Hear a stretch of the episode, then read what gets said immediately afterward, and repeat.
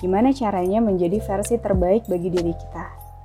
Tiap kita yang harus kita percaya, kita punya perannya masing-masing. Kita punya kelebihan, kita punya ke kekurangan, kita punya potensi, punya bawaannya masing-masing yang sudah dititipkan Allah sama kita. Pertanyaannya adalah mampu nggak kita menjadi versi terbaik bagi diri kita? Gitu karena kalau pengen menjadi versi terbaik, maka harus ada upaya yang maksimal, upaya yang luar biasa agar kita mampu mengubah potensi jadi kemampuan, kemampuan jadi amal kebaikan yang bermanfaat buat orang lain. Ya, bismillah sama-sama kita pengen bisa jadi versi terbaik bagi diri kita.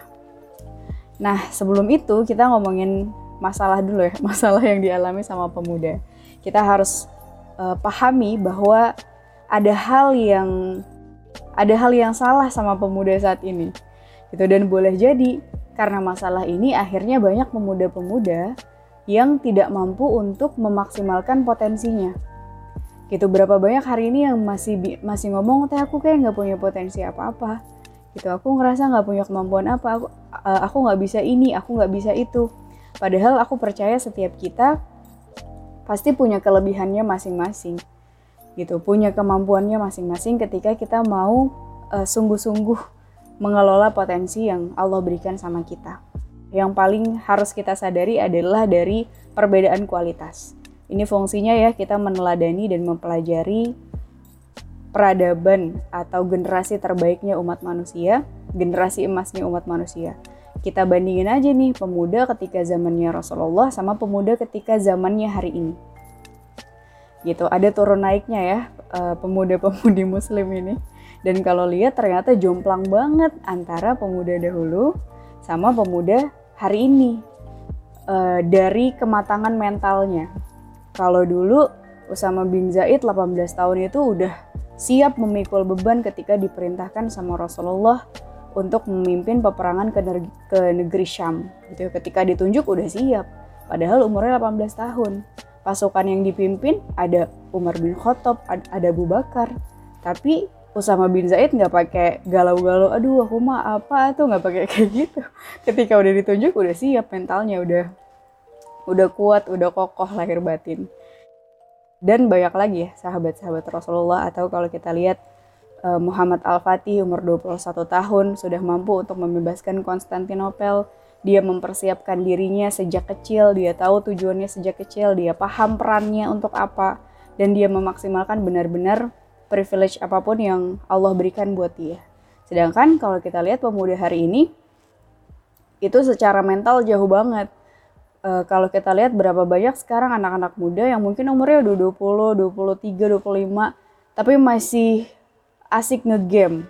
Ya, porsi ngegame dalam hidupnya misalnya banyak banget atau bahkan ada yang sampai kecanduan sama game. Padahal umur-umur 20 20-an, umur-umur 17-an ya bahkan ketika sudah balik dalam Islam itu harusnya udah mampu menciptakan karya-karya yang besar. Gitu ya, kita bercermin aja sama diri kita sendiri dulu ketika 18 tahun lagi ngapain ya. Apakah kita sudah sadar tentang peran kita di dunia ini? Atau ya udah kita masih santai-santai, leyeh-leyeh gitu. Salah satu hal yang konsep yang salah yang kita pahami ketika kita menjadi remaja kan ketika kita menjadi pemuda kan adalah remaja. Remaja katanya masa transisi antara anak-anak sama dewasa. Padahal dalam Islam nggak ada tuh yang namanya remaja, adanya anak-anak sama dewasa. Anak-anak dia belum paham sama udah balik. Kalau balik itu sudah dewasa, sudah paham mana yang benar, mana yang salah. Sudah mengerti perannya di dunia apa, sudah mengerti tugasnya seperti apa, udah tahu cita-citanya mau ke mana. Sedangkan kalau kita ya khususnya teteh ya dulu mengalami masa-masa remaja yang alay gitu ya yang gak yang gak ngerti tujuannya mau ngapain kerjaannya kongko-kongko dan seterusnya. Dari masalah mental kemudian dari masalah kefahamannya sama agama. Kalau dipikir-pikir pertama kita bersyukur ya ada yang namanya gelombang hijrah.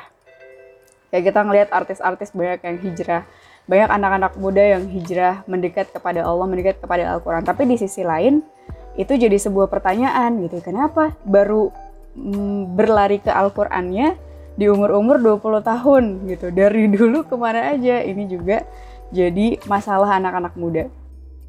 Atau masalah pemikiran, hari ini berapa banyak anak muda yang akhirnya tidak menjadikan Al-Quran dan hadis sebagai landasan dia berpikir gitu. Masih banyak yang menganggap yang nggak usah dicampurin antara sains sama Al-Quran. Dulu aku inget banget temen aku ada yang nanya ketika dia lagi skripsian kalau kita masukin Al-Quran itu valid nggak ya dalam penelitian? Gitu. Luar biasa ya padahal Al-Quran itu adalah kitab suci yang kebenarannya wahyu di atas kebenaran apa pun, di atas ilmu pengetahuan apa pun. Ini adalah salah satu bukti bahwa ya pemikiran yang meracuni anak-anak muda itu nggak main-main ya tentang liberalisme, sekularisme, feminisme, wah banyak banget macam-macam ya. Masalah-masalah ini harus kita sadari baik-baik, kemudian kita coba selesaikan satu persatu dalam kehidupan kita. Apakah cara menyelesaikannya dengan belajar, ya, memahami Al-Quran lebih dalam lagi, kumpul misalnya sama teman-teman yang soleh, berusaha mematangkan diri secepat mungkin, dan seterusnya. Gitu, itu pertama yang harus kita lakukan ketika pengen bisa menjadi versi terbaik sama diri kita. Gak mungkin kita bisa menjadi versi terbaik kalau masih banyak permasalahan di dalam diri kita. Gak mungkin kita bisa menjadi versi terbaik kalau masih banyak uh, riuh gitu ya, pertempuran di dalam kepala kita, di dalam hati kita ketika kita masih belum kokoh gitu ya jati dirinya susah untuk melak bisa melakukan hal-hal yang besar. Karena tadi uh, masih bingung sama konsep dirinya ini harus ke mana. Ketika dia menemukan ada persimpangan yang satu sesuai dengan Al-Quran yang satu tidak dia bingung nih misalnya yang tidak ternyata duitnya banyak gitu. Hal-hal yang kayak gini tuh harus udah selesai kalau kita pengen bisa menjadi versi terbaik. Kemudian yang harus kita pahami sama-sama adalah kita itu luar biasa. Kita semuanya, kita punya kehebatannya, punya kelebihannya masing-masing. Dan keluar biasaan ini sudah disebutkan sama Allah di Quran Surat Atin ayat 4. Sesungguhnya kami telah menciptakan manusia dalam bentuk yang sebaik-baiknya. Jadi Allah sendiri yang udah mengatakan kalau Allah menciptakan manusia dengan bentuk yang sebaik-baiknya.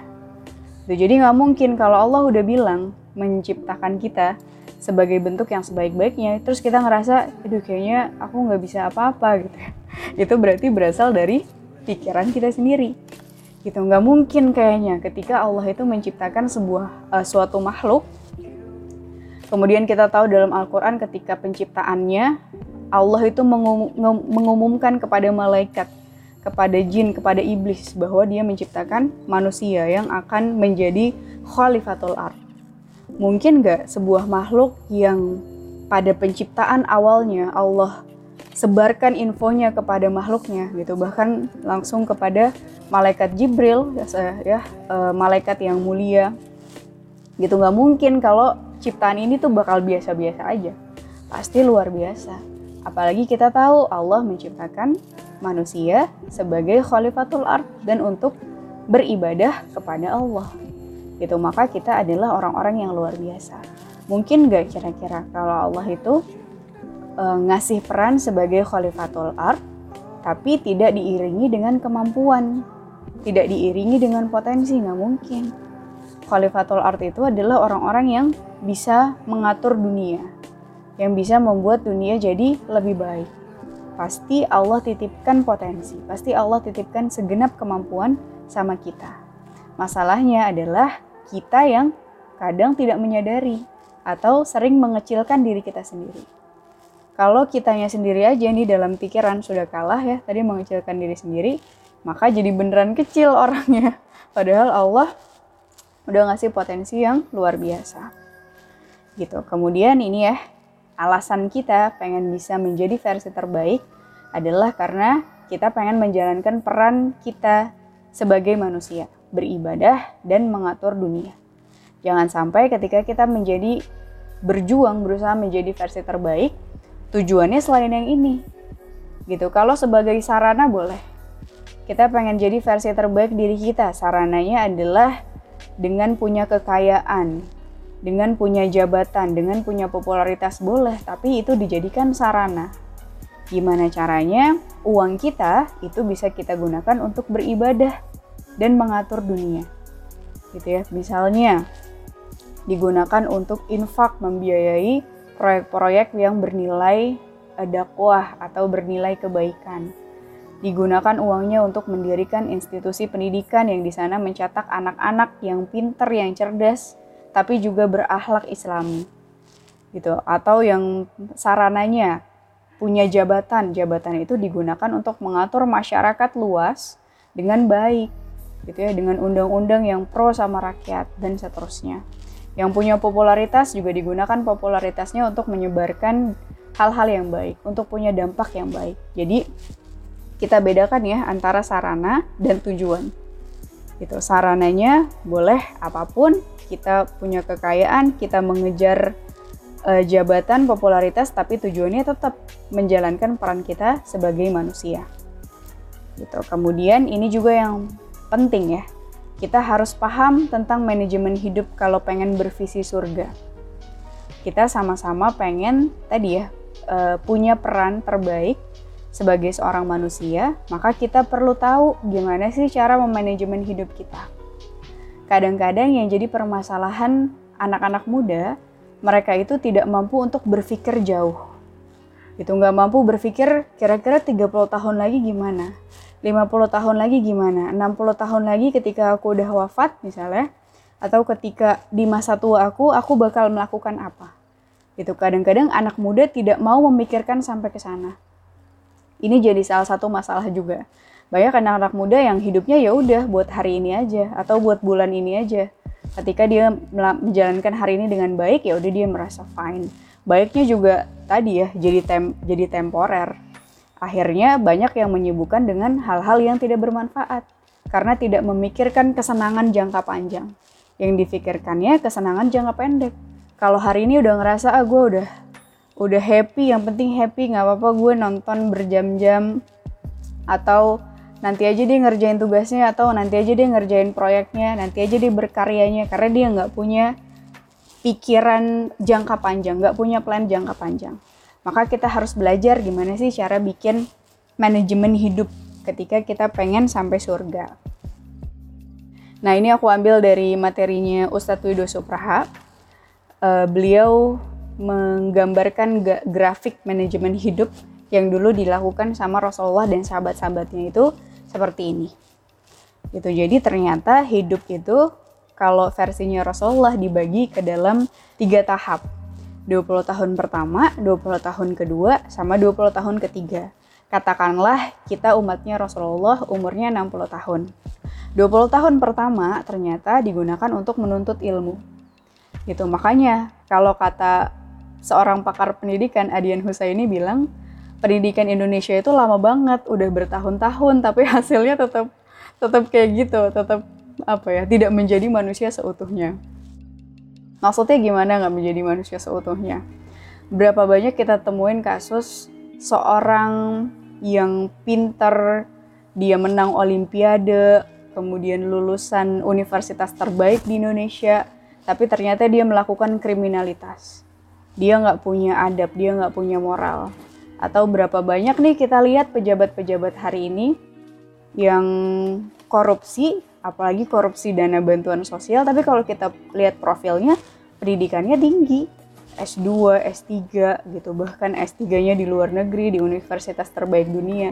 Tapi ternyata tidak tetap tidak mampu menimbulkan kebermanfaatan sama orang. Justru malah menimbulkan kekacauan. Gitu ya dana bantuan sosial aja dikorupsi dan seterusnya. Gitu maka kita maksimalkan menuntut ilmu itu di 20 tahun pertama. Ini bukan berarti kita nggak menuntut ilmu lagi ya sampai di umur 60 tapi difokuskan. Menuntut ilmu yang benar-benar tuh di 20 tahun pertama. Makanya dulu kalau kita uh, baca biografinya para ulama mereka tuh cepet banget dalam menuntut ilmu. Kayak misalnya umur 5 tahun sudah hafal Al-Quran umur sekian belas tahun sudah mempelajari ini ini dan seterusnya. Gitu ini kita maksimalkan. Nah di 20 tahun kedua ini saatnya kita mengamalkan ilmu. Tadi ya kita tahu bahwa hasil kesuksesan dari sebuah ilmu adalah karya, adalah amal yang bermanfaat buat orang lain. Kalau teman-teman hari ini ada di 20 tahun kedua ya, aku ada di 20 tahun kedua nih, sudah mulai tua. Yang harus kita pikirkan adalah uh, ilmu yang udah kita pelajari selama ini, kira-kira harus kita amalkannya seperti apa? Ya, kira-kira kita bisa ngasih manfaat ke orang lain tuh dengan apa? Apakah dengan kita bikin project, misalnya kayak teman-teman Quran review, ilmunya tentang Al-Quran digunakan untuk mengedukasi sebanyak mungkin orang dengan cara yang menyenangkan tentang uh, kehidupan dunia dipandang dari Al-Quran. Gitu, teman-teman juga harus punya keinginan seperti itu. Kira-kira karyanya apa nih? Kira-kira kerja-kerja kita apa? Itu di 20 tahun kedua nih waktunya kita kerja eksplorasi terus nih Kemudian di 20 tahun ketiga baru menyebarkan ilmu. Ini ya proses-proses kaderisasi. Uh, kita menjadi seorang guru. Makanya kalau kita lihat para gurunda-gurunda yang luar biasa biasanya ada di do, ada di 20 tahun ketiga. Kenapa? Karena memang mereka udah di tahap itu, udah di tahap matang banget secara ilmu, secara pengalaman, secara kerja-kerja. Maka yang dia uh, perannya gitu ya adalah menyebarkan ilmunya, mengajarkan sebanyak mungkin orang gitu dan yang paling luar biasanya di sini yang mind blowing adalah ternyata produktivitas itu grafiknya semakin meningkat. Semakin kita tua. Gitu. Jadi jangan pernah ada anggapan ya mungkin kadang-kadang karena kita terlalu banyak menonton film biasanya kakek dan nenek itu di rumah gitu ya kemudian main sama cucu bukan yang nggak boleh boleh juga. Tapi ternyata kalau kita lihat Rasulullah dan sahabat-sahabatnya tentu mereka juga melakukan hal itu. Tapi mereka punya peran yang luar biasa di hari tuanya. Gitu bahkan sampai wafatnya sampai syahidnya mereka sedang melakukan amal-amal yang luar biasa. Kalau kita lihat Utsman bin Affan Umar bin Khattab eh, Abu Bakar As-Siddiq orang-orang yang di masa tuanya justru makin jadi makin banyak manfaatnya. Makanya tadi ketika kita pengen jadi orang yang memiliki peran yang terbaik ya, greatest version of us, ya harus dilalui selama hidup. Itu peran yang terbaik itu sampai kita wafat. Sampai kita terkubur di dalam tanah. Gitu nggak bisa. Misalnya peran yang terbaik uh, ya udah ketika kita di 20 tahun kedua aja deh. Kalau udah umur 41 ya udah udah santai lah ya. Itu udah bukan masanya kita nggak kayak gitu. Tapi sampai kapan pun sampai mati kita pengennya selalu bisa beramal baik.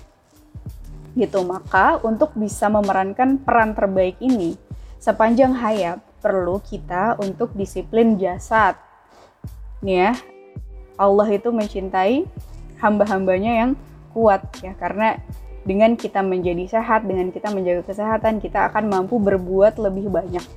Kerasa banget nih sekarang ketika pandemi, wah luar biasa. E, misalnya sama sesama teman-teman aktivis dakwah, wah itu backupnya tuh luar biasa. Nanti yang ini isoman, dipindahin tugasnya ke sini. Nanti yang ini orang tuanya sakit, di backup lagi sama yang ini. Jadi luar biasa kesehatan itu orang yang sehat, orang yang menjaga tubuhnya, orang yang menjaga kesehatannya, rutin olahraga, makan makanannya yang sehat, gak semua yang enak dimakan, gak menuruti hawa nafsunya, dia akan bisa punya kontribusi lebih besar. Karena fisiknya kuat. Kemudian yang kedua, disiplin akal. Disiplin akal adalah kita selalu mensyukuri uh, akal kita. Cara mensyukurinya adalah dengan banyak berpikir. Jadi uh, nikmat otak adalah nikmat yang sangat luar biasa. Gitu. Kalau nggak dipakai, kalau nggak digunakan dengan baik, kalau nggak dilatih otaknya untuk melakukan hal-hal yang berguna, maka otak kita terbiasa untuk mengkonsumsi sampah. Gitu, hal-hal yang informasi yang nggak penting, yang receh-receh dimasukin terus. Nah, akhirnya otaknya bisa tumpul. Maka kita perlu disiplin akal dengan selalu berpikir. Kemudian disiplin juga sama hatinya. Hatinya harus selalu bersih nih harus selalu membersihkan hati kita setiap hari karena setiap hari pasti selalu ada aja kotoran yang ada di dalam hati kita. Kotoran-kotoran itu ditimbulkan dari dosa. Ketiga aspek ini harus seimbang. Gak bisa salah satunya aja atau salah duanya aja. Gitu misalnya uh, Perdana Menterinya Israel Benjamin Netanyahu. Dia IQ-nya 180. Bayangin pinter banget gak? Pinter jasadnya udah tua masih bugar masih tegap gitu ya masih bisa mimpin negara tapi nggak punya hati ya ngebunuh-bunuhin rakyat Palestina ngejajah dan seterusnya jadilah dia monster. Gitu. Atau ada uh, Stephen Hawking. Seorang ilmuwan pinter banget uh, tapi jasadnya lumpuh ya. Hatinya tapi tidak mengakui Tuhan. Akhirnya jadi tidak sempurna. Nah kita pengen be the greatest version of you ini kita tuh paripurna. Inilah yang diajarkan sama Rasulullah. Seorang muslim itu paripurna seimbang dalam segala hal. Jasadnya oke akalnya oke hatinya juga oke kemudian ini juga penting pelajari dan amalkan pedoman hidup Al-Quran ini adalah dasar kita bergerak ya mau jadi apa pun kita Apakah teman-teman bercita-cita menjadi menteri, menjadi seorang uh, pebisnis, menjadi seorang dokter, menjadi seorang dosen? Apa pun peran kita nanti di masyarakat, semuanya tetap berpedoman dari Al-Qur'an. Ya, ini yang paling penting. Jangan sampai kita merasa memaksimalkan peran kita tapi Al-Qur'annya ditinggalin. Ya udah, akhirnya nggak ada maknanya. Gitu ya segala amal-amal kita akhirnya tidak naik ke langit. Tidak diakui sama Allah sebagai amal yang akan memberatkan kita di akhirat nanti. Ini nanti kita pelajari di bab lain ya. Uh, ini pelajaran-pelajaran konsep-konsep kehidupan yang ada dalam Al-Quran ini konsep dasarnya surat-surat makiyah itu konsep dasar konsep tauhid, konsep penciptaan manusia, konsep adab, alam dunia, hari akhir, konsep kebahagiaan aja di, dijelasin dalam Al-Quran. Kita orang muslim, orang mukmin, bahagianya karena apa sih? Apakah bahagianya karena harta benda? Enggak, enggak seperti itu ya. Konsep dalam Al-Quran kita bahagia ketika uh, mendapatkan surga. Itu kebahagiaan yang hakiki. Kemudian konsep-konsep pembebanan itu ada di surat Madaniyah konsep ukhuwah, konsep negara, ummah, jihad, konsep-konsep penyempurnaan itu ada di mana. Nah ini semua harus kita pelajari. Insya Allah pelan-pelan ya. Kita tuh perlu aman. Jadi kalau kita pengen punya karya yang besar, kita pengen bisa mengembangkan diri kita sebaik mungkin, kita perlu hati yang aman, hati yang tenang. Dan itu bisa diciptakan dengan keimanan yang mendalam.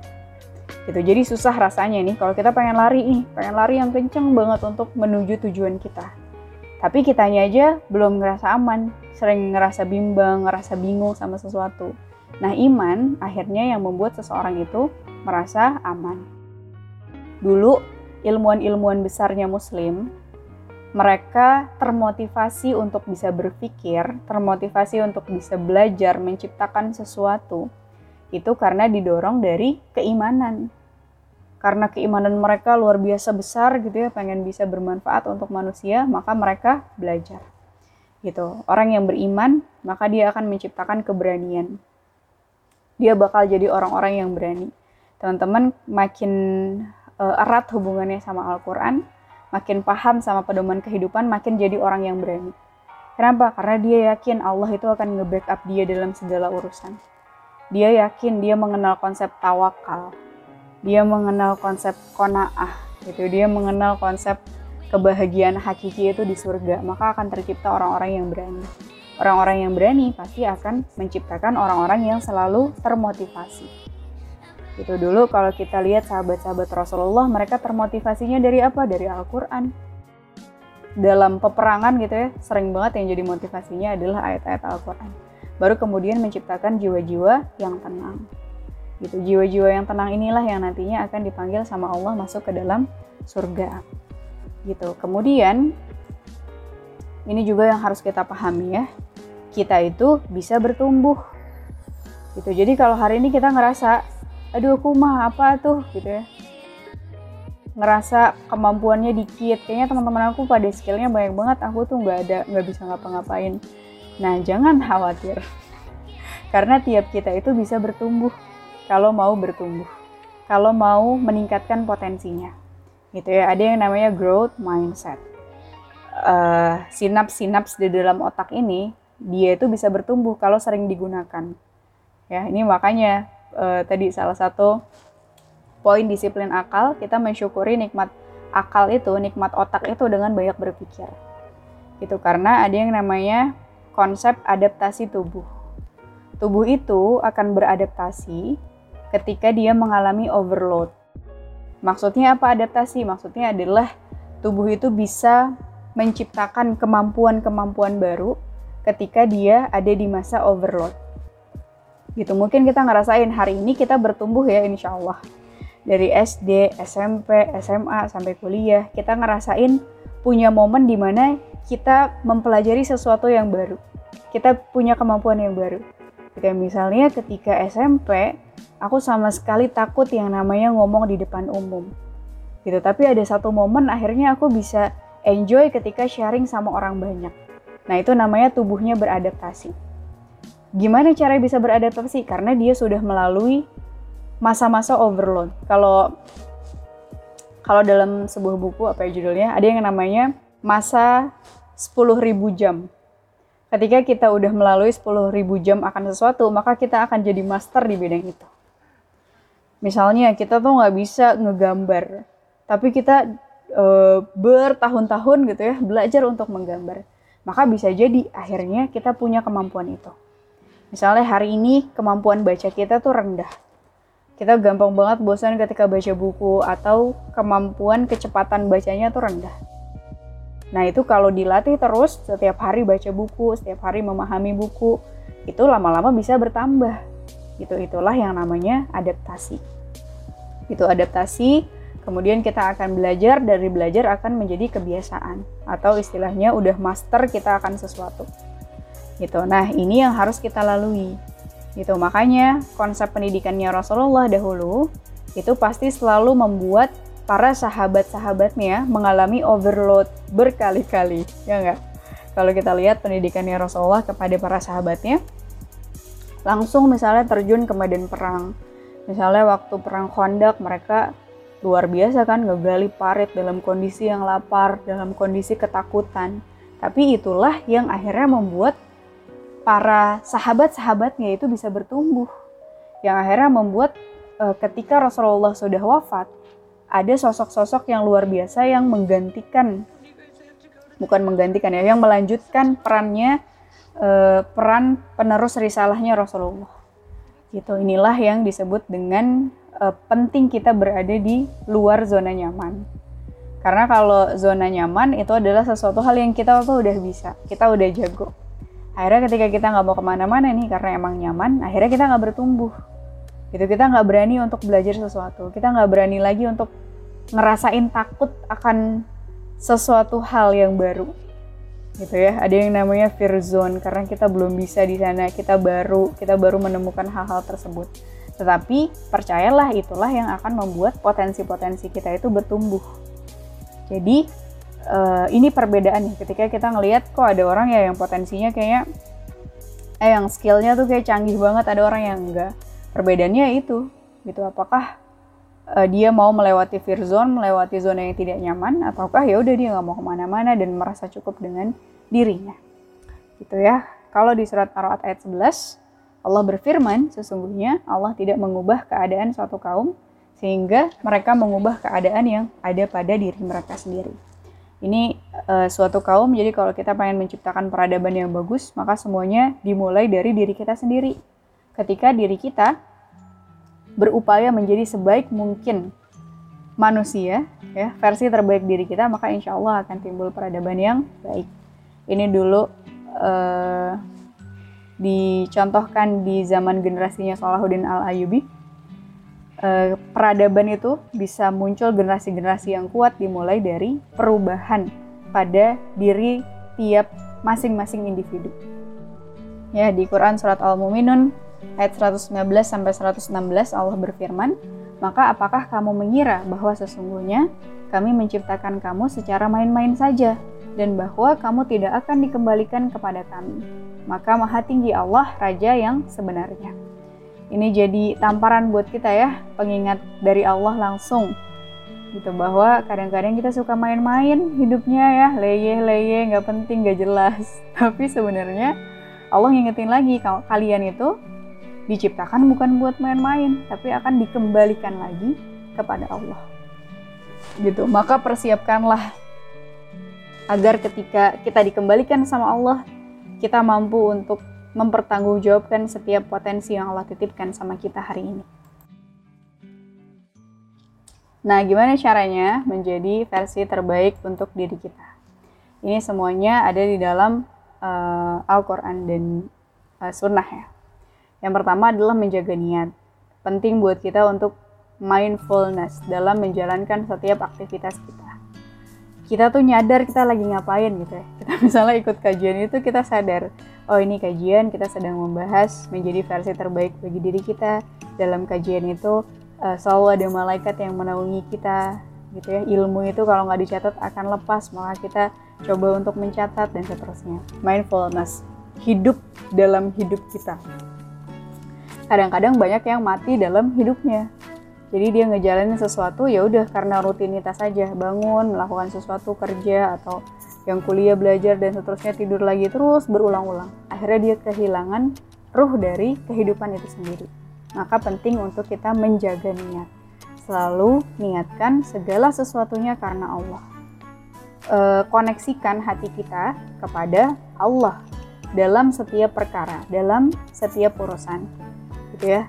E, salah satu Ciri orang-orang mukmin yang mendapatkan ampunan dan pahala yang besar dari Allah adalah orang-orang mukmin yang suka berzikir.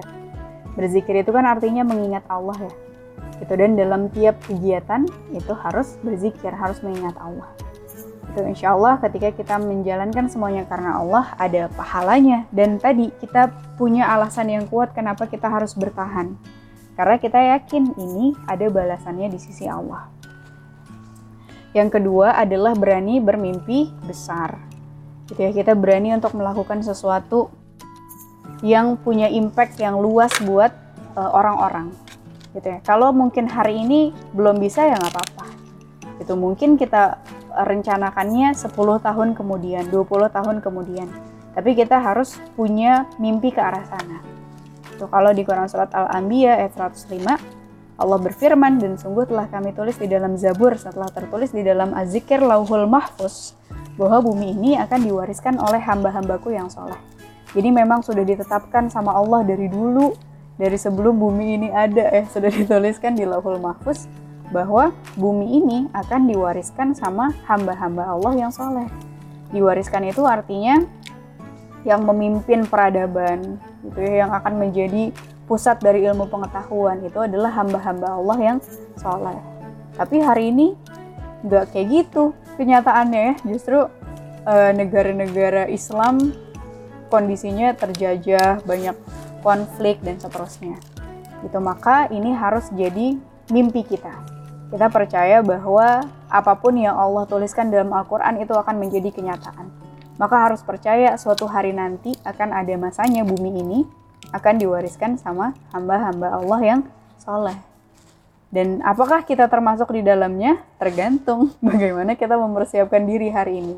Kalau kita sungguh-sungguh, tadi ya, disiplin hati, disiplin akal, disiplin jasad, boleh jadi. Semoga kita termasuk hamba-hamba Allah yang soleh. Yang akan mewarisi bumi. Ya, berani bermimpi besar. Yang ketiga adalah tahati belajar. Ini adalah sebuah mental karena uh, jangan sampai kita berpikir oh belajar itu cuma di bangku kuliah. Ketika sudah selesai kuliah udah nggak mau belajar lagi. Udah nggak mau mencoba hal yang baru lagi. Itu padahal belajar itu sampai ke liang lahat sampai meninggal terus belajar.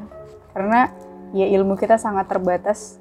Kalaupun kita belajar sepanjang hidup kita banyak ilmu yang tentu tidak bisa kita pelajari.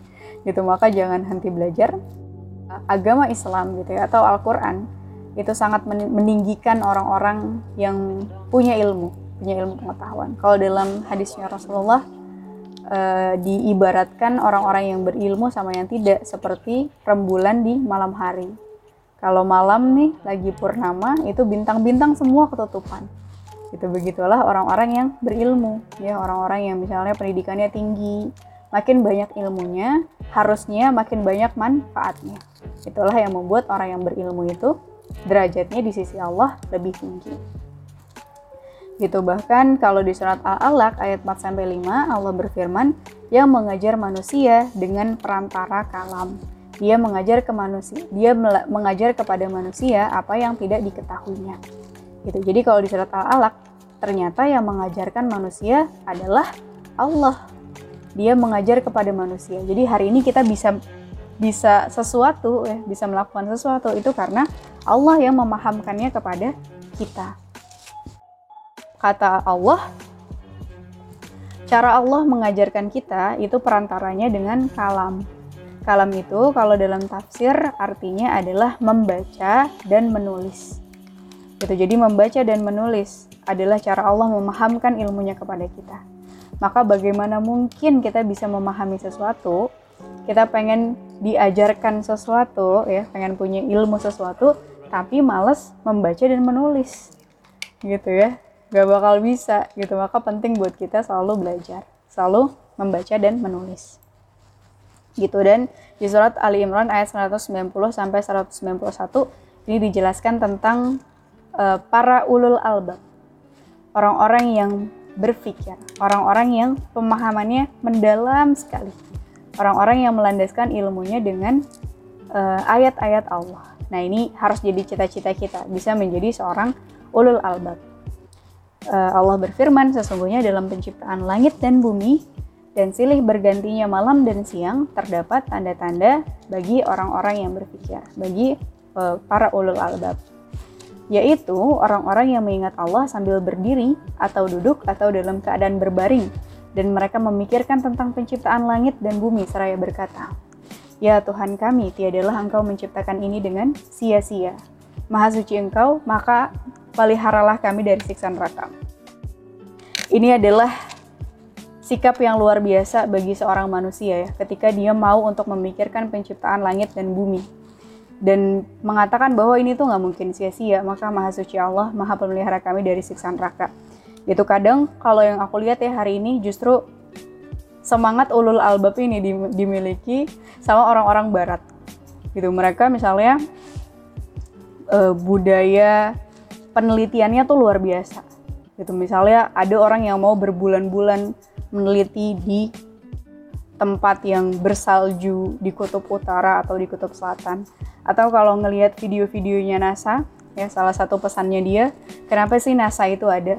Gitu karena NASA mau melihat uh, apa yang terjadi di uh, angkasa raya itu karena mereka percaya Allah itu menciptakan segala apa yang ada di langit bulan, bintang, uh, galaksi, ya apa pun lah benda-benda yang di ada di alam semesta ini itu untuk dipelajari, untuk dipahami.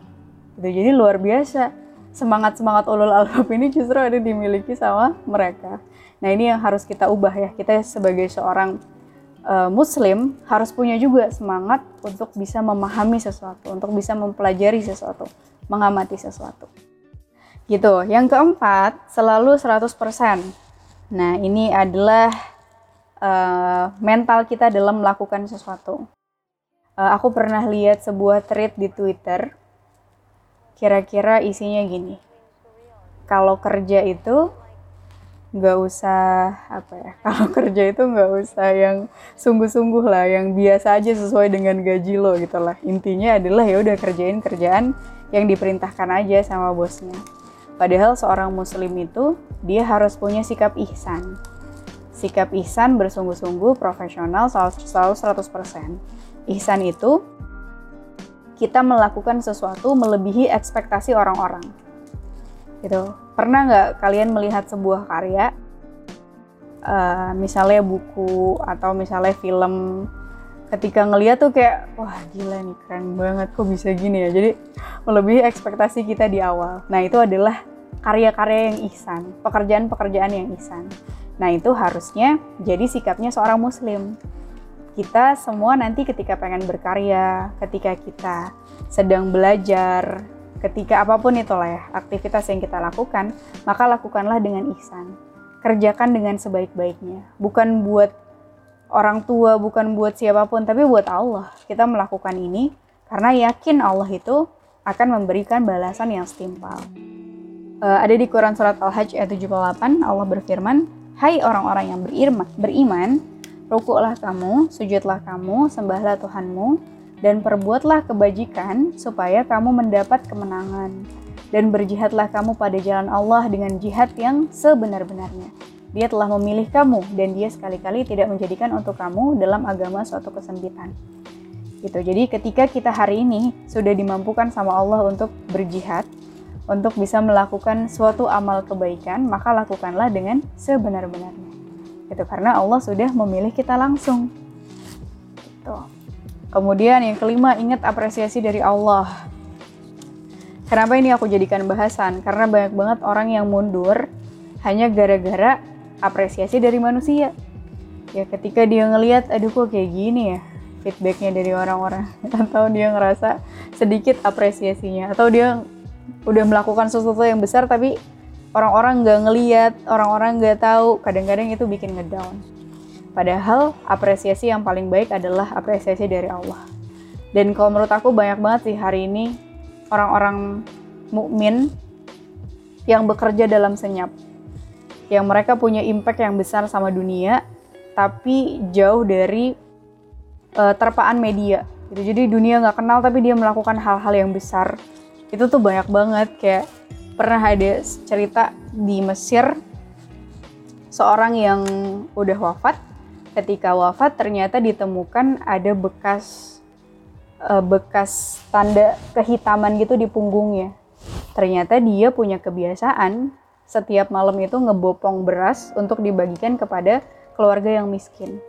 Gitu ya sampai akhirnya ditemukan uh, di harddisknya ada satu tera data keluarga miskin yang setiap hari dia santunin. Dan ketika masa hidupnya nggak ada yang tahu dia melakukan perbuatan hal tersebut gitu dan boleh jadi orang yang seperti itu ada ada banyak. Gitu ya kalau misalnya kayak teh konit mungkin uh, apa ya akan lebih susah menjaga hati karena apa yang aku lakukan itu ditampilkan di media. Tapi orang yang lebih luar biasa lagi adalah pahlawan-pahlawan senyap itu.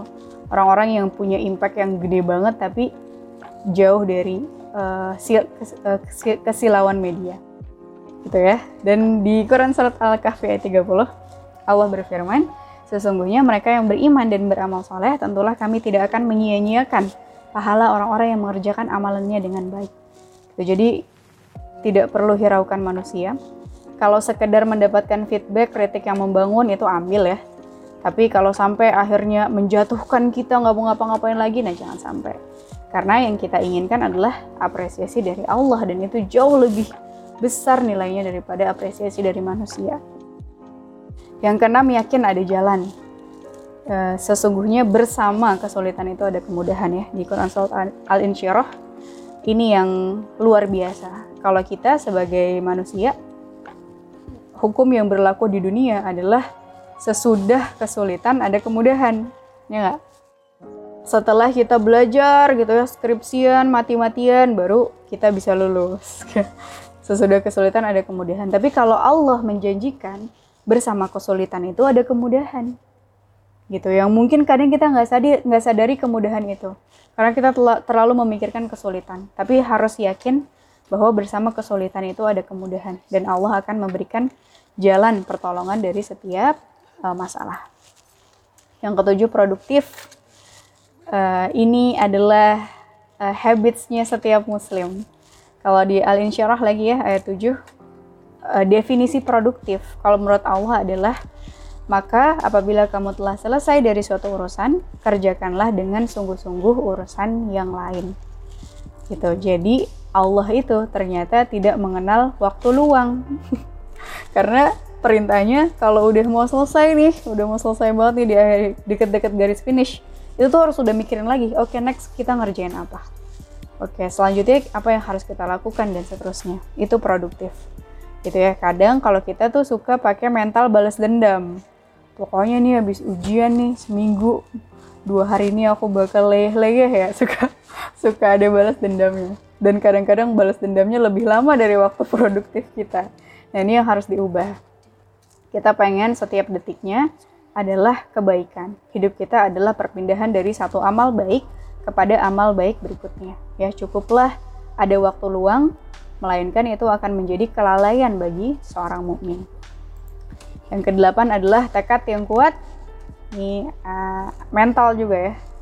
Kita harus punya uh, tekad, azam yang kuat. Faida azamta fatawakal Allah innallaha yuhibbul mutawakkilin. Ada di Quran surat Ali Imran ayat 159 Allah katakan, kalian itu kalau udah berazam akan sesuatu, apalagi berazamnya sesuatu hal yang baik, pengen bisa S2, S3, pengen bisa menghasilkan karya ini, pengen bisa bikin proyek itu, Maka bulatkan tekad, kemudian bertawakal kepada Allah.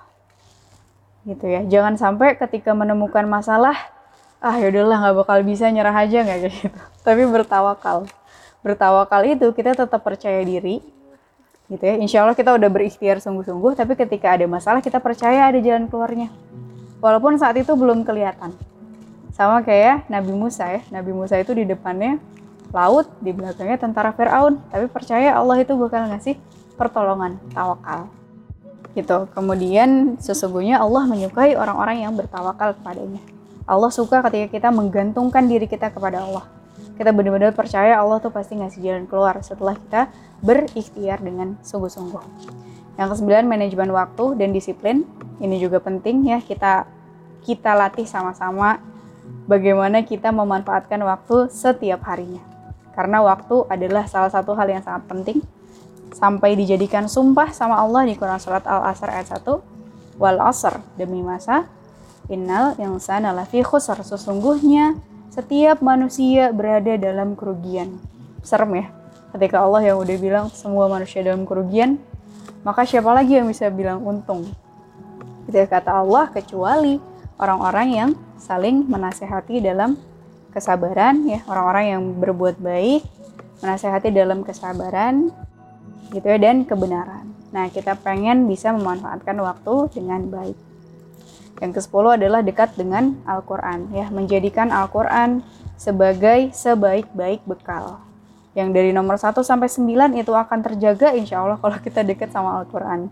Kadang-kadang kita suka suka mikir ya, gimana sih caranya menjadi versi terbaik dengan dekat sama Al-Quran. Itu sedangkan banyak deh kayaknya orang-orang yang misalnya hafal Al-Quran tapi ternyata dia belum bisa menjadi versi terbaik dari hidupnya. Gitu ya. Definisi dari dekat dengan Al-Quran adalah nggak cuma dibaca nih, dibaca doang udah selesai terus jadi sukses nggak gitu. Tapi dibaca terus, kemudian terus berkarya dan melandasi semuanya dengan Al-Quran gitu ya baru itu insya Allah kita akan menjadi orang-orang yang luar biasa. Gitu teman-teman selamat bersiap. Seperti di surat Al-Ahzab ayat 25, 23 Allah berfirman di antara orang-orang mukmin itu ada orang-orang yang menepati apa yang telah mereka janjikan kepada Allah. Maka di antara mereka ada yang gugur dan di antara mereka ada pula yang menunggu-nunggu dan mereka tidak mengubah janjinya. Jadi di antara kita, ya insya Allah kita semua punya janji-janji kepada Allah. Kita mengazamkan sesuatu kepada Allah. Ya Allah, aku pengen menjadi seperti ini. Pengen menjadi seperti ini supaya bisa menghasilkan banyak kebaikan. Aku pengen bisa punya proyek uh, rumah amal yang bisa menghidupi seribu anak yatim atau apa pun itulah ya. Nah, di antara orang-orang itu ada yang menepati janjinya kepada Allah, ada yang gugur, ada yang masih menunggu-nunggu. Gitu deh, semoga kita yang selalu menunggu-nunggu itu. Sehingga ketika diwafatkan, kita wafat dalam keadaan melakukan amalan dan berupaya menjadi versi terbaik bagi diri kita. Gitu. Selamat bersiap teman-teman. Eh, dunia menunggu peran-peran terbaik kita. Semoga kita mampu menjadi sebaik-baik manusia yang menciptakan kebermanfaatan. Amin ya rabbal alamin. Sekian dari aku. Mohon maaf atas segala kekurangan. Wassalamualaikum warahmatullahi wabarakatuh.